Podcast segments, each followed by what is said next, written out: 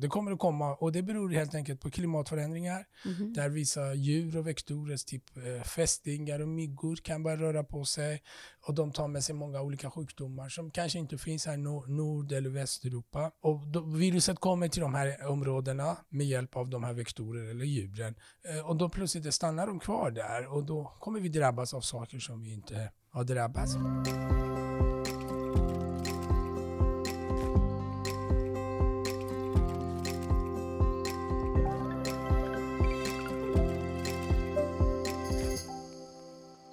Mars 2020 är en månad som kommer skrivas i historieböckerna då världen faktiskt drabbades av pandemi. Men frågan är, hur ligger vi till med covid idag? Den som har svar på det är Ali Mirazimi, vaccinforskare på Karolinska institutet och även kopplad till Folkhälsomyndigheten. Och vi som håller i trådarna är Nikita Seilot. Och eh, Palle Liljebäck. Det här är Naturvetarpodden. Covid-19 är tillbaka, men inte alls med samma kraft som när pandemin toppade här för två år sedan. Hur kommer det här sig? Eh, det är precis som vi hade trott och hoppats på att, att efter att man i stort sett alla får en infektion eller blir vaccinerad så bygger man upp ett eh, skydd mot eh, själva infektionen. Så nästa gång när den kommer då det finns ingen naiv, naivitet i populationen. Alltså då finns inte de som inte har fått sjukdomen. Och då leder till att man kanske blir smittad, man kanske blir sjuk, men man behöver inte ta sig till sjukhuset eller behöver inte läggas på intensivvården. Och det är någonting som vi hade trott och hoppats på och det, det ser vi bevis på idag. Så det här är någonting vi kommer leva med. Det är en del av oss nu. Ja, absolut. Eh, den, den är en del av oss. Och, eh, vi hade hoppats i början att det här kanske beter sig som sars coronavirus 1 som kom 2002-2003 som var betydligt mer farligare men den försvann ju. Den, den stannade inte kvar, den hade inte de här egenskaperna. Men den här hade de här egenskaperna och som tur var inte så farligt. Och det är ju den armen man vill ha. Det är så det blir. De som är inte farliga, det är de som stannar kvar. För då kan vi bli sjuka och gå runt och smitta varandra så viruset håller sig ute i samhället. Så det här viruset kommer att vara kvar. Men det finns ändå en del som drabbas lite mer än andra. Sjukdomsfallen och även eh, intagna på sjukhus är väl några åtminstone va? Ja, ja, absolut. Det är fortfarande många som blir sjuka. Men alltså, får du eller jag så, corona så blir vi sjuka. Men blir vi inte på samma sätt sjuka. Däremot de som blir jättesjuka, det är de som är i riskgrupper och är äldre. För att de generellt har sämre immunförsvar. Och de blir jättesjuka av influensa också. Eller av RS. Eller av vinterkräksjuka. Och tittar vi bakåt så ser vi många äldre gå bort av bara vinterkräksjuka. Eh, som är någonting som du och jag kanske får ligga hemma ett par dagar, men inte mer. Men, så det finns alltid riskgrupper och de kommer alltid drabbas. Därför är det väldigt viktigt att liksom tänka om. Eh, vi andra som kan bära på smittan. Att ska undvika att träffa dem. Och, eller se till att de går och vaccinerar sig. Alltså jag har en teori. Här kommer den. Jag upplever att män har drabbats hårdare än kvinnor under alltså med covid. Eh, eh, alltså, det, om man- ska skämta vidare om det då. Så, så män drabbas alltid oftare, mycket hårdare av allting. Det kan bero på att vi känner symptomen betydligt tydligare. Du menar att det är en klassisk eh, mansförkylning? Yes, exakt. Så, så det, det kan bero på det. Men, men visst finns det lite data som visar att män eh, drabbas lite hårdare, speciellt de äldre. Och det, det har, hänger väldigt ihop med också om man har typ hjärt-kärlsjukdomar så kan man drabbas och det kanske finns det fler på den sidan som, som har det. Vågar jag inte säga, jag har inte data på det. Men generellt har man sett att man drabbas lite hårdare. Och vi vet inte idag exakt varför. Men det har jag svar på. Ja. Nu kommer det. Nu kommer det. Nej, men Jag satt och tänkte på det här under covid, för att min sambo blev jättesjuk. Och vi, jag hade varit på middag, alla blev sjuka på den middagen, förutom jag. Jag var den enda som inte blev sjuk, och de var riktigt, riktigt sjuka. Mm. Och då var det faktiskt en som var smittbärare utan symptom, Mm. eh, min bästa vän. Nej men då har jag en teori så här, att när vi levde på savannen, då Mm. var det ju män som var ute och jagade. Vi kvinnor var ju liksom i ett samhälle, Mm. om man säger så, med barn, utsatte oss för väldigt mycket bakterier. Jag bara, det är min teori, att kanske har vi någonting bak i generna som bara gör att vi är lite starkare? Ja, det, alltså, det, alltså, absolut. Det, det är evolution. Man vet inte vad evolution eh, kan innebära och det kan, mycket kan spela roll. Eh, och man har sett att typ eh, neonatalerna, säger man så? Ja. Eh, och de, de har ju en gen som är väldigt känsligt. Så det kan finnas evolutionsbiologi som gör det ena eller det andra, men finns inte riktigt Nej, belägg förstår. så här, vetenskapligt som jag skulle våga säga det är så. Men Bara, man kan bara spekulera. Man kan bara Men eh, ni kan som gärna ta vidare min teori. Men däremot den är post, intressant. den är intressant. Ja. Jag tycker det. Post-covid då? Där har vi ju hört att det är kvinnor mer som har drabbats. Eh, Ja, där i alla fall. Och det kan vara också en sån grej eh, att det kanske finns män också som kanske inte går och säger att de har De går här ju aldrig till symptomen. De kanske inte gör Nej. det och gör ingenting. Och så, så där, det alltid finns det vissa förklaringar, men visst det kan finnas en eh, könsrelaterade mekanismer som vi inte känner till. Men ja, post, postcovid finns det och drabbar en del personer. Ja, just det, i, precis i början så var det lite prat om att det skulle kunna vara lite psykologiskt sådär. Ja. Men nu är det vederlagt då att det är eh, en, Ja, precis. Jag tror i början var mycket att vi hade en mycket brinnande het sten i handen där många hamnade på sjukhus och blev jättesjuka och gick bort och sådär. Och då eh, på något sätt, man tänkte inte så mycket på den där post-covid och vi hade, inte, vi vi hade väldigt lite kunskap. Nu, nu, nu har det gått tre år sedan började det hela och sen ser vi fler och fler som har faktiskt eh, väldigt långvariga symptom och några har, mår jättedåligt. Så det är ju nu bevisat att det här skiljer sig från de andra virusinfektioner där man har lite längre eh, tid symptom som har stannat kvar hos dem. Fortfarande vi vet inte vad det beror på, ingen aning där, men forskas på och sen, den dagen vi vet varför då kan vi ta fram behandlingar. Och, Jag har ju en teori på Ja. det. Nej men gud vad vi teoridroppar här nu. Kontra, kontra Ja. Nikita.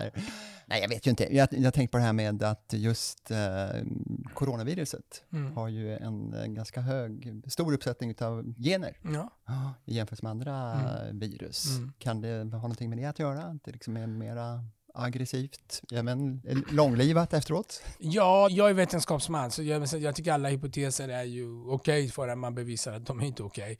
Så visst kan det vara så, men det finns andra virus som är betydligt större och där ser vi inte de här långvariga och sen till och med närbesläktade sars-coronavirus. Vi har något som heter mers-coronavirus som är närbesläktat och den kommer en gång om året. Det är betydligt farligare virus och där har vi inte sett så mycket postsymptom. Eh, så lite tveksam på det, men med det sagt så har jag ingen belägg för att säga att du, du har fel. Kan man Lite bli... halvdiss på den också. Ja, Alltså. men precis. Han dissar våra förslag.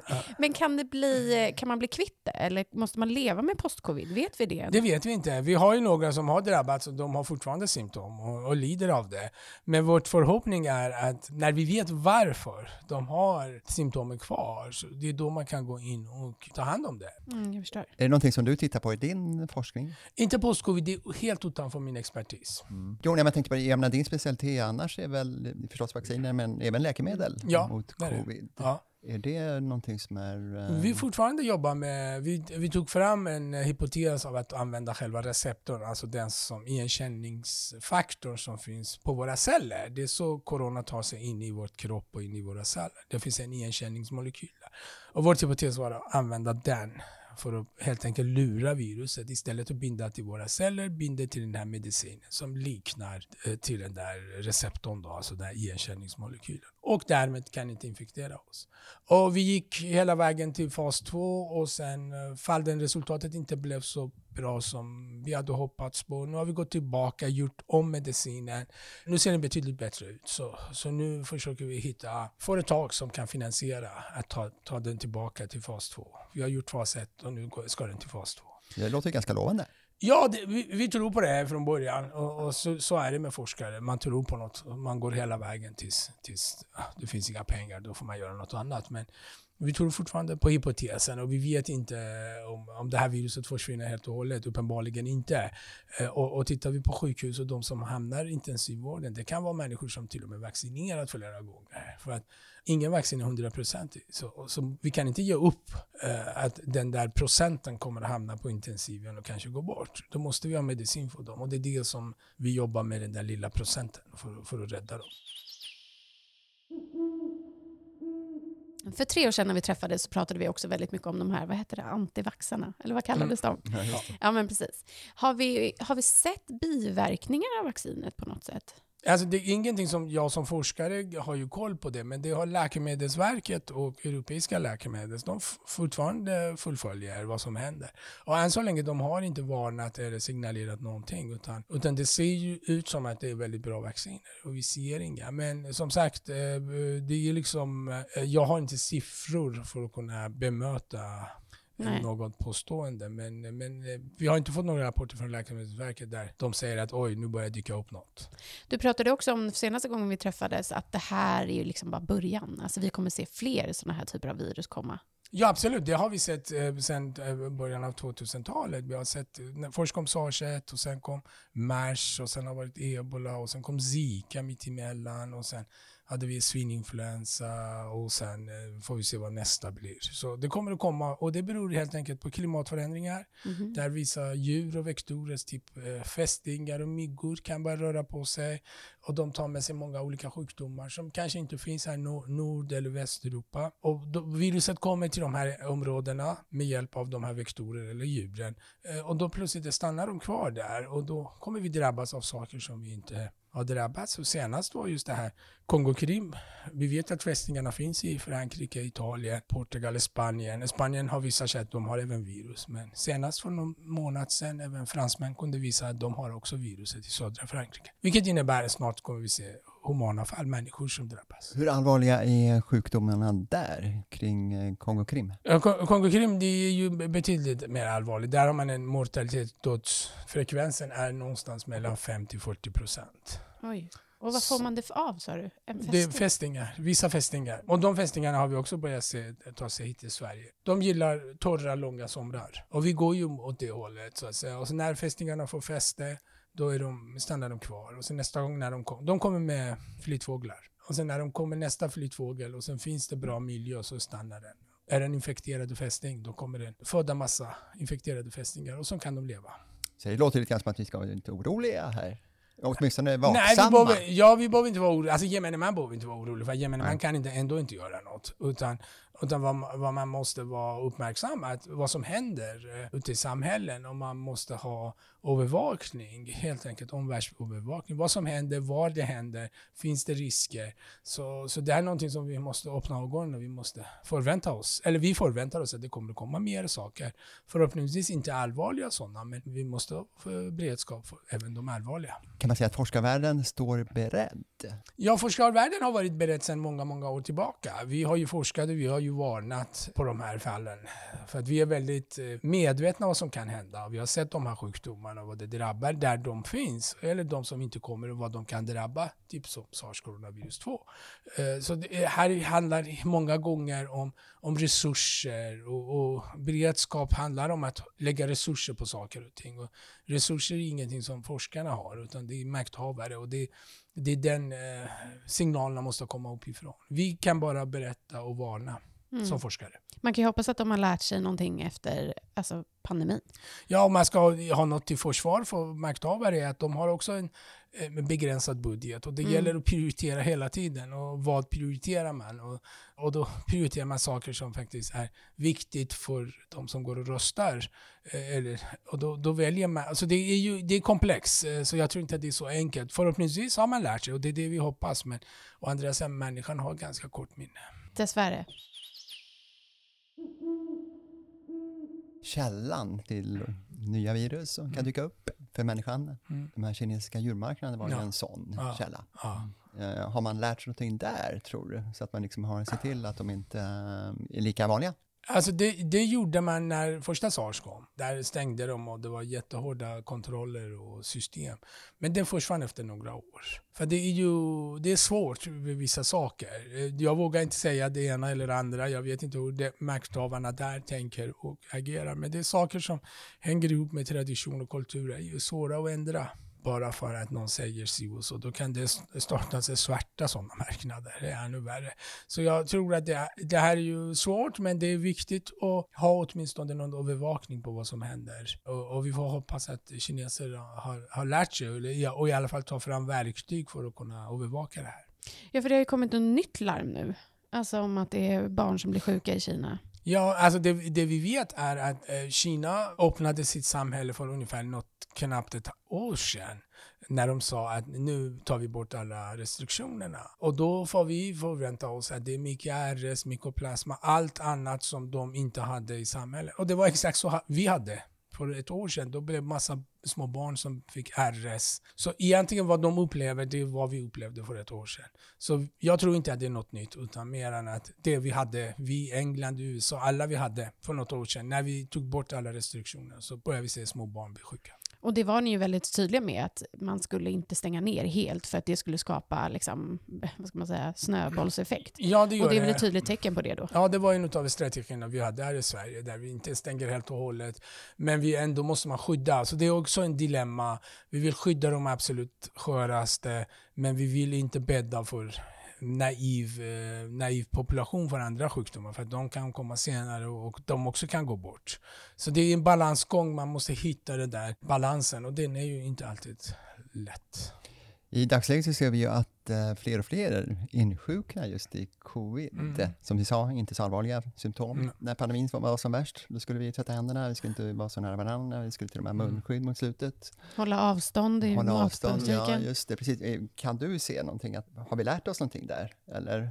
Eh, jag, jag, jag tror att det som vi, jag åtminstone ser vad som händer, många av de här vårdrättningar, äldreomsorg och så, de börjar ta tag i, eh, kräver att man bär munskydd och kanske man får inte hälsa på sina nära och kära när de är sköra och ligger i intensivvården eller är de på någon typ av vårdrättning.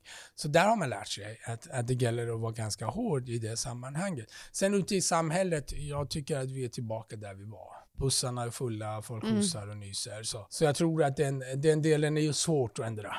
Ja, men det är väl lite så med människan, att så här, även i krig, hur hemskt det än är, så blir man ett med kriget. Man Ja. blir ett med liksom. Men däremot måste jag säga att jag har blivit, alltså tänkt om. Jag håller fortfarande avstånd till Mm, folk och tvättar händerna något sjukt mycket, Mm, torr som tusan. mm. Men jag kan också reagera på när folk kommer för nära mig i Ja. matbutiken. Ja. Alltså jag blir direkt så här, nej men bort. Mm. Och då blir, då blir jag nästan lite frustrerad för att vi inte har lärt oss någonting. Ja, men jag tror människan har ett kort minne och, Mm. sen, och sen glömmer man bort den och sen vill man inte på något sätt komma nära den tanken igen. Då. Nej. Någonstans vi vill tillbaka som vi hade förut. Mm. Och nu är det liksom, nu ser vi covid är fortfarande kvar. Då blir man rädd och tänker oj nu ska vi tillbaka dit. Och dit tror jag inte vi kommer, inte av corona.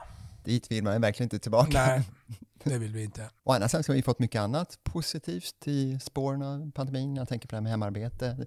Det ligger ju utanför ditt kompetensområde förstås, men ändå, det är lite intressant. Ja absolut, man har ju liksom blivit extremt duktig på digitala möten. Vilket förut var man tvungen att träffas och nu kan man köra digitala möten. Och, och underlättar, underlättar för att kan minska lätt på resandet. Så det har vissa positiva klimateffekter och även en spridning av infektioner och så vidare när man reser och sjuk och sådär.